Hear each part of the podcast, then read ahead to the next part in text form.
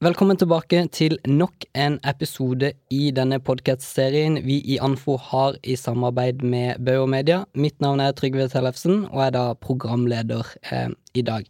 Denne episoden skal handle om formatet podkast, hvordan det er i dag, hvordan vi tror det kommer til å se ut i fremtida, både med tanke på lytterne og også da distribusjonsmodellen. Og med, derfor har jeg jo da tatt med dere tilbake i studio, Elnas og Kristoffer. Velkommen skal dere være. Tusen takk. Takk, takk. Og for å få et best mulig grunnlag for denne episoden, så vil jeg høre litt fra de som har mer inngående kjennskap til nettopp det å lage podcaster enn det kanskje vi har. Eh, og derfor, Øystein, velkommen skal du være. Takk for det. Du er jo eh, podcastansvarlig her i Bauer. Kan ikke du gi en forklaring på den prosessen man går igjennom fra man starter å planlegge en episode, til man faktisk eh, publiserer? Ja, altså fra man starter å planlegge en podkastserie, ikke sant, tenker Mm, du? Ja. mm. Eh, nei, altså det er det jo Altså det tror jeg gjøres forskjellig fra, fra podkast til podkast, eh, fordi det er jo utrolig mange forskjellige veier å gå. Eh, men som en sånn slags overordnet Hvis jeg skal prøve å snakke generelt om det, så, så handler det jo om å tenke for det første hva er det vi vil si, ikke sant, og hvem vil vi si det til? Hvem er det vi forsøker å nå? Eh, og da har man jo også allerede liksom funnet ut noe om eh, kanskje hyppighet. Hvor ofte skal dette komme ut? Eh, skal det være hver dag, eller skal det være en gang i uka? Eller hva tenker man? Er det en begrensa sesong bare, kanskje, på noen episoder? Eh, og også lengde på, på episodene, sånn noenlunde. Kan være greit å ha, være litt forutsigbar på det. Selv om ikke alle følger disse reglene, i anførselstegn. Så, eh, så det er vanskelig å si ett svar på dette her. ikke sant? Og det ser man jo også på de podkastene som er store i dag. Det er Noen av de er et kvarter lange, sånn som forklart. Andre er eh, over en time lange, ikke sant? fordi det er helt, helt forskjellig type innhold. Eh, men det som er lurt å ta hensyn til, det er mange ting som er lurt å ta hensyn til. Eh, nå prøver jeg å snakke generelt her, og det er gjerne vanskelig, syns jeg. Men det er at eh, vi må ha i bakhodet at eh, den største grunnen til at folk ikke hører på podkast, er at de sier at de ikke har tid. Eh, det betyr at vi må på en måte lokke de der ute som eh, har dårlig tid, men som kanskje i hvert fall oppsøker det eller får høre om noe, får tips om noe. At du ikke dreper dem med halvannen time lange episoder. Jeg vet ikke om du har vært borti den historiepodkasten Hardcore History med Dan Carling, som har episoder på opptil seks timer. Du blir jo ja. motløs av mindre, ikke sant? Eh, Det er fantastiske produksjoner, eller det er en veldig enkel produksjon, og det er veldig bra, men du skal jo vite at du har tid til å Du skal ha en veldig lang klesvask, stor klesvask du skal henge opp for å rekke å høre en sånn episode. Absolutt. Eh, Poenget er at uh, noe av det vi eksperimenterer med nå, og som jeg vet at andre har gjort før oss, det er at uh, fordi mange av våre podkaster er gjerne 30-40-50 minutter lange, det er å, uh, å også slippe på en måte kortversjoner av det. Eh, Det kan være tilleggsmateriale, eller det kan være utdrag fra den lange episoden. Det er flere måter å gjøre det på. Eh, Jeg ser også det gjøres ofte i Sverige på en del store podkaster som er gjerne intervjubasert, og som, er- hvor hovedepisoden er kanskje halvannen til to eh, timer lange. De lager kortversjon på 20 minutter. Eh, Så, og da er de lettere tilgjengelige for alle de som ikke har tid. ikke? Og det tror jeg er viktig å tenke på. eh, At eh, selv om du kan ha kjempegodt materiale som varer eh, en og en halv time, så er det en mye større jobb det å overbevise lytterne om at dette er noe jeg faktisk skal, skal dedikere så mye tid til. Hvis det var et slags svar. Eh, ja, eh, absolutt. Eh, men kan vi da si sant, at innholdet du skal presentere, skal stemme overens med tida det tar å lese det opp? Ja, det er godt oppsummert. Jeg kunne ha sagt det så enkelt. Du vet, eh, noen sier enkelt? Nei, jeg skal ikke si enkelt ofte er det beste. Det, eh, du Øystein, eh, tusen takk eh, for det. Så Elnas, eh, dere har jo da mange forskjellige podcaster i eh, Schibsted-konsernet.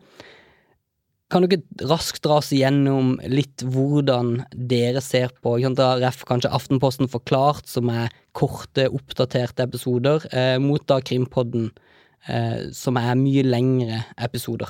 Mm. Det går jo på formatet. Eh, Forklart går jo på raske nyhetsoppdateringer, og vi ser jo at eh, når det kommer til tid brukt som man ønsker å bruke, når det kommer til nyhetsoppdateringer, så ønsker man det kjapt, raskt og enkelt, mens eh, Krimpodden er mer en kosepod som du gjerne vil høre, og da er innholdet viktigere enn at det er raskt og konsist. Så der bruker man heller lengre tid for å få kommunisert innholdet, snarere enn å time akkurat det klokkeslettet som er et slags mål, da. Kristoffer, som eh, radiorepresentanten her, eh, hva vil du si er det viktigste elementet? Er det da innholdet eller tida man skal fokusere på? det henger jo veldig nøye sammen, eh, som vi pleier å si i radio. Altså, tre minutter er ikke tre minutter. Ikke tre minutter kan være kjempelenge, og det kan være veldig kort. Så hvis innholdet er godt og riktig eh, i forhold til den du skal snakke til, så eh, kan lengden være lang, den. Og det er litt som Elna sier, altså, det er jo derfor mest sannsynlig forklart er korte, fordi det forventes på en måte av den som lytter, for det formatet. Så det er ikke enten-eller, det henger veldig nøye sammen. Så du må vurdere, sånn som Nå sitter vi jo i Bertrands univers her, vi sitter i studio hvor den podkasten blir spilt inn. Eh, og det er jo en podkast som stort sett er en time eller mer, ikke sant. Eh, men det er jo en, en, samtale mellom to mennesker hvor man har god tid, og, og, og da er det formatet er helt utmerket til rundt en times podkast. Og det forventer nok den som lytter òg. Jeg tror at uh, hvis du drar den etter 30 minutter, så tror jeg noen blir skuffa. At oi, skal du avbryte allerede nå? Nå kommer vi akkurat inn i den gode samtalen, ikke sant. Så, så det er ikke enten-eller. Eh, det er hele tiden eh, å vurdere det opp mot hverandre. Altså eh, hvordan skal vi tilpasse tiden til dette, dette innholdet, eller det man skal snakke til. Og det gjør vi også i radio. Så der pleier man Man har en sånn eh, Fra gammelt av, spesielt på musikkradiokanaler, så er det tre minutter, en sånn regel. Og det var fordi man så at etter tre minutter så, klar, så sliter man å holde folk mentalt lenger da, på en musikkradio. Man venter på neste sang, liksom. Når kommer neste sang? Men når man gjør dypere undersøkelser på det, så ser man at eh, de tre minuttene, det handler egentlig om da innholdet. Så hvis du klarer å skape så godt innhold, så får du folk med lenger. Men eh, det kan gå 30 sekunder, så er folk borte. ikke sant? Så dette er jo ganske komplisert. Eh, det er ikke enten-eller, altså. Ser dere eh, på analysene dere gjør, eh, Elnas, om når folk først begynner på en episode, hører de da gjerne hele episoden, eller er det noe at man pauser og kommer tilbake? Nei, du hører gjerne hele episoden. Vi ser veldig lite frafall. Og det går på at folk er jo veldig dedikert til de episodene. Så det er veldig sånn lojal lyttermønster der, og vi ser ikke så mye avbrekk, egentlig. Utan eh, det har en viss eh, forhold til hvor lang den er, og steller deg inn på 'nå skal jeg høre på den'. Så det er ikke så mye fram og tilbake, i hvert fall hva vi ser. Nei, det er jo, vi hadde, Forrige episode snakket vi om eh, POD-rapporten, og det viser jo den også. De fleste hører jo hele episoden av podkaster. Jeg tror det var 92 hvis mm, jeg ikke husker helt feil. Altså 92% av podkasten i snitt, da. Mm. Så, så, folk hører det meste når de først uh, setter på, og det er jo en, en, god ting. En ting som er jo viktig, er jo oppbygninga av eh, hele podkasten, eller hele podkastepisoden. Um, for det er jo ikke bare sånn at man kan skaffe seg en mikrofon, plugge den i Mac-en, eller har kjøpt seg et Rødecaster miksebord, og så sette i gang. Her er det jo dramaturgi, her er det jo Eh, fra det gamle. Eh, man kan jo referere til hvordan man skriver bøker, eller hvordan en film er laga. Så er jo selve historiefortellinga ekstremt eh, viktig i, i, dette. Eh, er det det man ser på eksempel Krimpodden, som, eh, som vi har snakka litt om, Elnas? Ser man veldig på det at det veld, den oppbygninga er eh, gjennomgående, da, uavhengig av episoder? Ja, absolutt. Oppbygningen og storyen er kjempeviktig, men ikke minst også eh, fortellerteknikken det er minst like viktig, og det er også noe vi har sett i POD-rapporten, at eh, de som snakker programlederne og den biten der, er jo vel så viktig. Så det er jo veldig god planlegging i forkant i forhold til hva ønsker man å kommunisere, hvordan, og eh, legge til de her effektene i tillegg. Så det er godt gjennomarbeida eh, for å kunne skape nettopp den opplevelsen som lytterne etterspør. Tror du det er det samme Nå du, du nevnte jo Bertrands univers her i stad. Kristoffer, Tenker du det er det samme for samtalen òg? At man må spare litt de gode spørsmålene underveis for å at lytteren blir ja, med hele veien? Ja, det, det, er viktig med en form for regi og en dramaturgi i det, selv om det bare er en samtale. Og at man gir noe ganske tidlig er jo klassisk. At man gjerne blåser deg litt i gang og gir deg noe, og så tar det litt ned, og så sparer på en del av kruttet, og kanskje er flink til å skape forventninger underveis, da. ikke sant? Det er jo ekstremt viktig. Vi har snakka litt om før topplista. Eh, mye underholdningsbaserte podcaster. Eh, mange podcaster som gjerne virker litt sånn impulsive og eh, funnet opp på stedet, der vi eh, eksempelvis da Friminutt, som, som dere har, eh, eller skal ta over, eh, Elnas. Mm. men der også er det mye planlegging i bakhånd for å få til en episode. Ja, absolutt. Eh, det må jo være en viss planlegging for eh, at man skal ha en viss forutsigbarhet i det, men eh, så har du også den delen der man tar samtalene på sparken for å gjøre det veldig lite statisk og manusdrevet, på en måte. Men det beste vi ser, er jo når man har en viss planlegging i forkant. Absolutt. Så det man kan si at man bygger opp eh, Om ikke man skriver ord etter manus, man Mm. setter temabaserte episoder med en start og en slutt, sånn at man Mm. vet hva man skal innom, og så om praten innimellom er litt mer eh, eh, Ikke manusbasert, men fri, så, så begynner man å gå riktig vei. Ja, og man må absolutt ikke gå i den fellen der eh, ting blir for eh, statisk, for skjermen i dette er jo nettopp at det er så løst og fast, og det blir den her eh, at du nesten er i rommet og deltar i diskusjoner, selv om du ikke prater, så det er der å lytte til, og hvis det blir veldig sånn oppskriftbasert, så mister det hele magien med podkast. Så det er viktig å ha en fin balanse på nettopp det med hva skal være planlagt, og hva som skal tas på sparken. Mm, jeg tror også det. det men, men eh, det å være best mulig og mest, mer, altså mest mulig løssluppen handler egentlig om at du har en god plan og en god idé og en god regi da, på det. Og det, det gjør ofte at eh, det blir senka skuldre også, og det faktisk blir mer naturlig. Så av og til skal man tenke, jeg tror det er mange som lager podkast for første gang og sånn, tenker at ok, men er, jeg har en mikrofon, jeg har en PC, jeg kan bare spille inn, ikke sant. Og jeg har en idé, da. Eh, Men desto mer du kan planlegge, desto faktisk mer profesjonelt blir det, og det mer avslappa blir det for den som hører på, da. Så, så det er litt sånn eh, Det er ikke intuitivt, eh, egentlig. Man tenker at eh, når, når det høres spontant ut, så er det ikke planlagt, men det er det ofte, da. Vi ser jo på topplistene at eh, nå definerer vi det som redaksjonelle podcaster. Det er jo ofte kjente aktører, eh, influensere, eh, underholdningsartister som troner toppen, og sånn har vi selvfølgelig representanter fra de ulike mediehusene som er på topplista.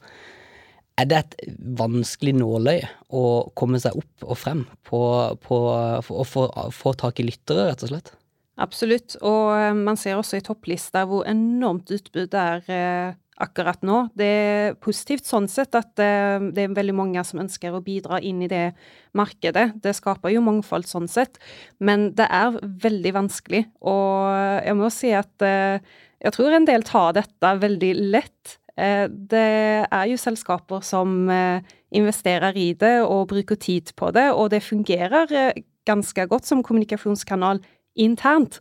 Men eksternt så har vi sett selskaper som bruker veldig mye tid, ressurser, til å lage podkaster, kommer til oss, kan vi få det spredt? Men det funker ikke så bra. Ta som eksempel en av Norges største finansaktører, bankaktør, som eh, har startet en podkast, og med hvilken ambisjon eh, det har vært. Men hvis eh, de prøver å nå massefolket, så går det ikke så bra. For at de er på sånn plass et sted mellom 200 til 400, varierer litt. Mens til eksempel ser man da på Schibsted, som har to økonomipodkaster, så er man på plass Eller man får iallfall 70 000 lyttere, til sammenligning mot ja, det har variert eh, for denne aktøren mellom eh, 12 til 400, så det blir veldig nisja. Så det er veldig viktig også å få fram at eh, det er ikke bare bare å starte en podkast eh, og tro at per automatikk kommer lytten, eller at man markedsfører den, så kommer lytten. Det gjelder å være der brukerne er, og der eh, eksempelvis blant de større, som de kan finne mer ut av dette. Eh, nevnte i forrige episode om at eh, det er derfor vi har utvikla produktet Content-episode, for at da er du i RSS-fin til de store podkastene. Og da får du mulighet til å formidle eh, det budskapet som du ønsker å få fram. Eksempelvis eh, Covi, som eh, vil fortelle mer om det grønne skiftet. Hvis de hadde startet en podkast, kanskje de hadde funnet eh, Nå bare finner jeg på, men la oss si ti eller hundre lyttere. Mens hvis til eksempel går de på Forklart, som de gjorde Nå kan jeg ikke gå ut med konkrete tall, men Forklart har jo ca. 75 000 lyttere, og det er ikke langt ifra det eh, av de som lyttet på denne episoden. Så man må også være smart på hvordan man ønsker å distribuere dette, og eh, ikke bare gønne på for å gønne på, helt enkelt. Jeg kan bare dra en rask parallell, eh, og det er at eh, når eh, content marketing kom, så var det veldig mye i tvil om skal man satt, eh, bruke midler på det, eller skal man satse på egen nettside. Og jeg tror vi har nå kommet til det punktet der vi har konkludert at du må bruke veldig mye tid og ressurser hvis du skal skape et eget mediehus. Det er kanskje litt lettere.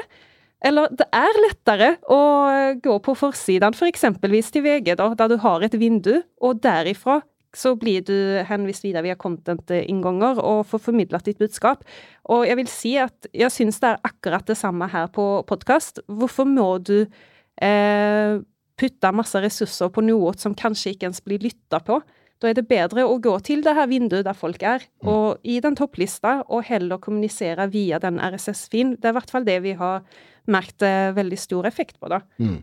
Jeg tror... Eh, og det er jo noe med Er det en B2B-podkast, og skal du nå dine egne kunder, på en måte? Eh, eller skal, er det en markedsføringsverktøy? hvor du skal ut og nå det store konsumentet. Da. Det tror jeg, det, vi kan jo dra det litt tilbake til blogging også, egentlig, sånn helt innledningsvis. ikke sant? Hvor alle også skulle være sitt eget mediehus. Eh, men vi ser jo det at det forsvinner inn i mediehusene til slutt. Mm. Det er for det er, det er vi som snakker og har den kanalen allerede. Så hvis du skal annonsere, så hvis målet er å annonsere, så vil jeg anbefale å gå til en podkast, altså et mediehus, da, som Bauer eller Schibsted eller andre. Men hvis du skal snakke mer som en kundeklubb, så vil jeg anbefale kanskje å lage en podkast eller en blogg eller hva du ønsker å lage, hvor du skaper den direkte kontakten. Men det er jo to forskjellige mål, da. Så kanskje definere målet først. Så hvis målet ditt Jeg tror som Helena sier litt, hvis målet ditt er å bli et mediehus, så kanskje du skal justere strategien til hele selskapet. ikke sant? Så Der tror jeg mange bommer litt. At de har en sånn ambisjon eller et ønske om å bli et mediehus. Vi skal på en måte, Nå skal vi lansere den store, neste store podkasten og komme høyt på mm. podtoppen. Det tror jeg er ekstremt vanskelig som en merkevare. Eh, da, da, anbefaler jeg heller å gjøre et samarbeid på, som annonsør eller på kommersiell side da, med et, med et, med et mediehus. Mm. Når vi ser tilbake på sant, markedsføringsteori og sant, troverdighet, og, og hvem, hvem, du som konsumenter hører på, sant, det maktprinsippet som liksom legges inn, tror du veien for merkevarer, eh, dette er jo generelt ikke bare på podkast, eh, har en lengre vei å gå eh, i forhold til å bli hørt på rett og slett av en lytter? Ja, altså det kommer tilbake igjen til dette at det er veldig stort utbud, og det er en skikkelig lang longtail når du ser på når du begynner å bevege deg fra 21.-plass eh, på topplista, så er det veldig få lyttere, men det er veldig mange. Altså, Du nettopp snakker om 400-plass, så det er jo veldig mye. Så eh, det er igjen tilbake til hvordan du dels skal bli oppdaget. Vi snakket tidligere episode om tilgjengelighet, og hvordan du skal finne plassen der. Det er likevel så viktig som å lage en veldig god podkast.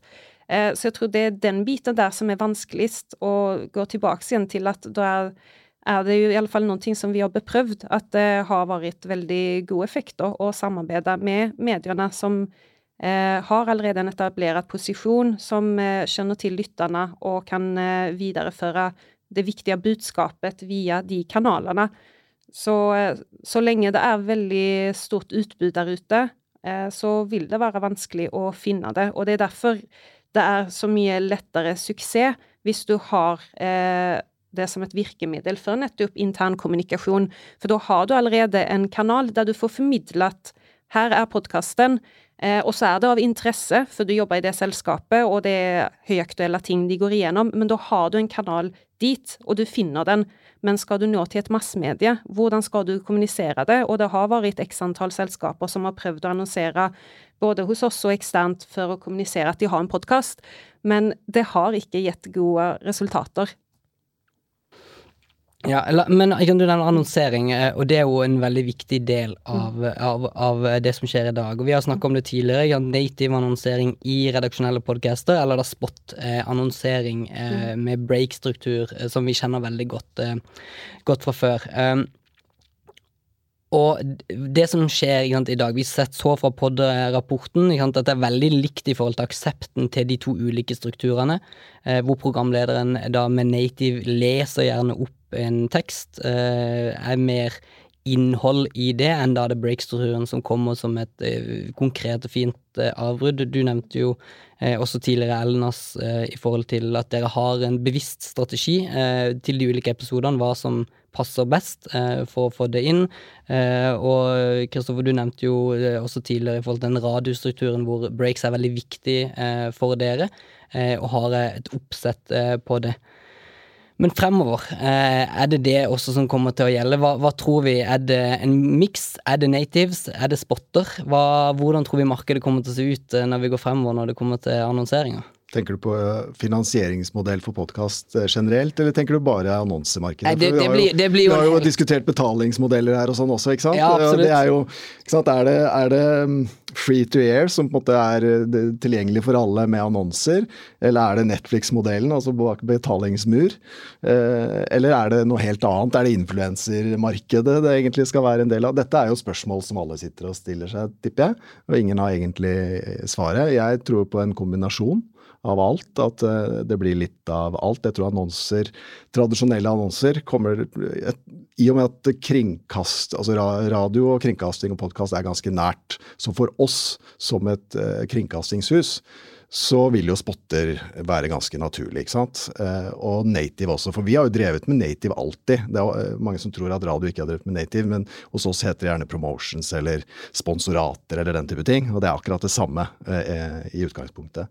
Så, så det er jo helt klart viktig. Men så er det det med betalingsmodell, og der tror jeg også at det kommer til å finnes et marked. Og vi så jo det på rapporten at det er, selv om det ikke er de fleste vil ikke betale, men det er jo ganske mange som vil betale. Det er vel 34-35% som, som sier jeg vil gjerne betale for, for podkast hvis jeg slipper reklame eller for eksklusivt innhold.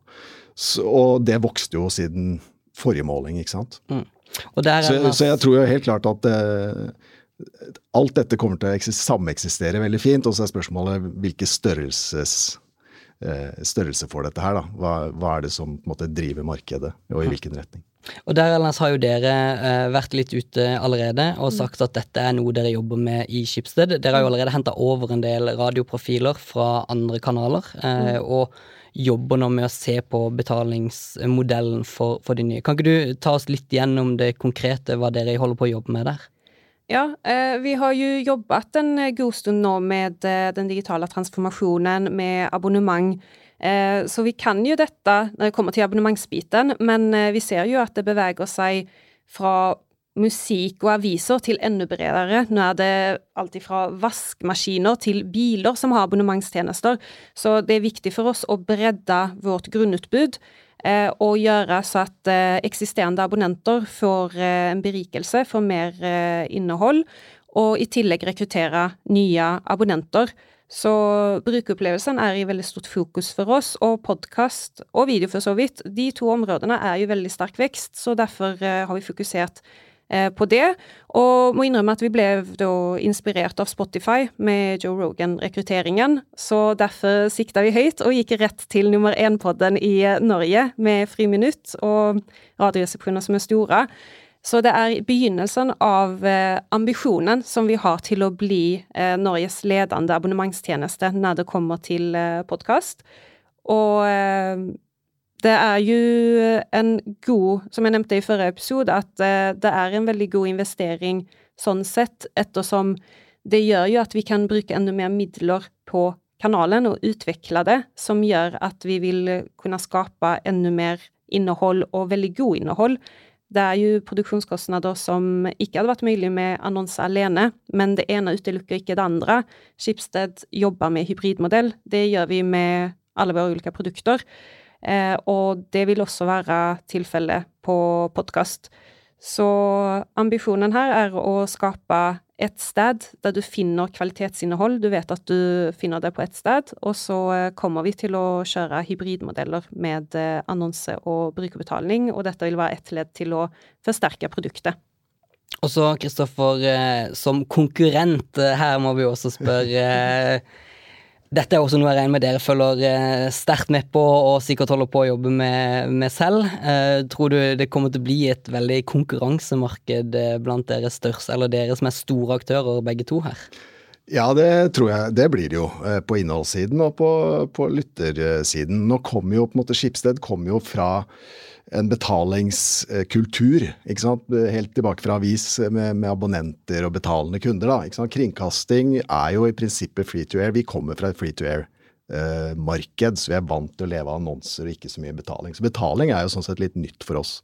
Men eh, nå har jo Bauer eh, internasjonalt eh, allerede lansert eh, betalingsradio som eh, første i Jeg tror det er første i verden, jeg er ikke helt sikker. Eh, men akkurat den modellen vi har valgt, er den første i, i verden. Eh, og den ble lansert i eh, England for eh, noen uker siden.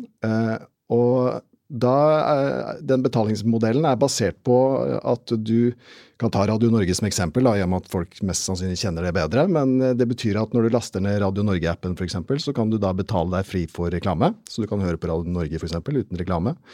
Uh, og du kan uh, få eksklusivt podkastinnhold selvfølgelig bak betalingsmur der, og høre podkaster som mest sannsynlig på samme måte som Skipsted. Noe vil ligge bak der en stund, og så vil det komme ut gratis, og noe vil være gratis og lokkes folk bak betalingsmur, osv. I tillegg som det som kanskje er spesielt unikt, for vi må jo finne en eller annen modell som ligger imellom det som da er musikkstrømming, eller dette totalt dynamiske, til det som er lineært. da. Så på eh, den eh, tjenesten som bare er utviklet, så kan du også skippe sanger i livestream. da. Så du kan f.eks. høre Radio Norge, og så kan du skippe hvis du kommer en sang som du har lyst til å høre en annen sang. Så kan du trykke skip, og så får du en annen sang. Og så går du tilbake igjen i livestrømmen, helt, eh, helt dynamisk og uten at du merker noe noe ut av det. da. Og du kan skippe seks sanger i timen. Så dette er jo på en måte første ledd fra, for oss å gå fra det helt lineære, som jo er på, på, DAB, hvor vi ikke har muligheten til å gjøre noe annet enn å sende ut et signal, til å være eh, mer dynamiske i, eh, i et internettunivers. da. Så, så, vi er i gang og, og, og, jobber med dette og utvikler dette, så jeg er helt sikker på uh, at flere også tenker på det og, og, jobber med det. Så Det er derfor jeg sier dette kommer jo Hvilket marked som blir størst og, sånn, det er vanskelig å si. Jeg tror jo free to air-markedet kommer alltid til å eksistere. Og som jeg, jeg tror jeg har sagt mange ganger før, at i Norge og i land hvor du har public service, så er det jo det at NRK er jo gratis. Og det kommer alltid til å være gratis, og de kommer alltid, selv om Elna stjeler eh, gode profiler, så kommer de til å ha veldig mye godt innhold. God kvalitet, ikke sant? og de kommer til å skape nye friminutt og, og nye store konsepter, og de er gratis. Sånn at betalingstjenestene skal jo konkurrere med det. Eh, så, så, det er jo en utfordring i land hvor du har public service. Eh, og så er det så i USA og andre markeder hvor public service ikke er så sterkt, så er det jo litt annerledes. Og det som er opplyftende, er jo at eh, vi har jo sett gjennom ulike undersøkelser, men også POD-rapporten, at eh, 76 eh, foretrekker å lytte på norske podkaster. Så skal man ta sammenligning med Netflix, eksempelvis, så er jo utenlandske filmer veldig stort. Mens eh, det som er eh, en sterk fordel akkurat nå, det er jo at eh, du foretrekker å konsumere podkast på lokalspråk. Så heldigvis ligger eh, konkurransen eh, hjemme. Så... Ja, det, og det er veldig bra, syns jeg også. Mm. Og det så vi jo ganske tidlig, og det regner med at Skipsted har sett også, at uh, det er et lokalt marked mer enn et internasjonalt marked. Det er et internasjonalt marked der også. Mm. Uh, og der har også Bauer gjort samarbeid med Wondery, det amerikanske nett nettverket, hvor vi har et samarbeid med annonser og selger annonser i, i Norden på, på, på de podkastene. Så jeg tror vi kommer til å se sånne samarbeid også, men det er en liten andel av det markedet. Eh, det største markedet er norsk på norsk. Veldig, veldig bra. Skal, vi har vært gjennom mye uh, i denne episoden. Jeg skal prøve å oppsummere litt uh, her uh, til slutt. for aller først så snakker vi om podkastformatet, hva er det man skal gå gjennom. Vi hørte fra noen som driver med podkast allerede, hvor det ble veldig tydelig der at to sterke pilarer man skal gå gjennom. Enten det er tid, tenke på hvor lenge en podkast skal vare, eller da innholdet, og finne denne kombinasjonen. Og Der er det viktig å tenke på hvem er det denne skal lytte på denne podkasten, hvem er det som skal høre. Eh, forstå og kjenne den målgruppa du lager podkasten for, og finne den riktige kombinasjonen av både lengde og innhold. Videre så snakka vi jo litt om Eh, det kommersielle markedet, eh, hva som skal til. Eh, vi er nok alle enige om, siden markedet per i dag er stort redaksjonelt, det vil være en utfordring for kommersielle aktører å få plass inne på topplista. Så skal kommersielle aktører komme inn på banen, så er det kanskje ikke som mediehus eller mediekanal. Man må heller tenke på hvordan man kan utnytte dette kundeklubbs- eller lojalitetsprogrammessig for sine kunder og sine målgrupper. Eh, og ikke helt ha troa på at eh, skaffer man seg mikrofon og et miksebord, så er man eh, med 70 000-80 000 lyttere totalt sett.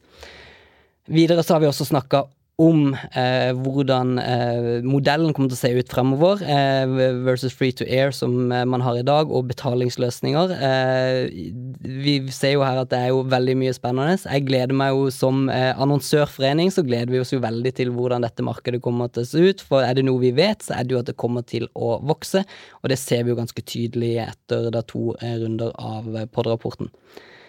Er det noe dere har lyst til å legge til på slutten, Elnas eller Kristoffer? Nei, egentlig ikke bortsett fra det du sa nå. Altså, det er veldig hyggelig og godt å se at podkast eh, vokser og kommer til å vokse. Når 45% sier ja, jeg kommer til å høre på podkast, bestemt, de svarer ja, så er det, det er bare å satse på podkast også for annonsører. Ikke være bekymra for, for podkast. Akkurat det. Vi ser bare startgruppen av uh, vår podkast der. Og som alle andre nye ting, så har du early adopters. De er der, det er de unge. Og så ser vi at veksten kommer suksessivt fra de eldre. Og konsumet, uh, det peker bare en retning. Så jo tidligere man begynner å starte, jo bedre. Det høres veldig bra ut. Du, tusen takk eh, til begge to. Takk Ellen og takk Kristoffer eh, for at dere har vært med meg her i dag. Og ikke minst eh, tusen takk til du som sitter og hører på, og har vært med oss gjennom disse episodene vi har hatt fra Anfo. Mitt navn er Trygve Tellefsen, så med det så sier jeg takk for nå.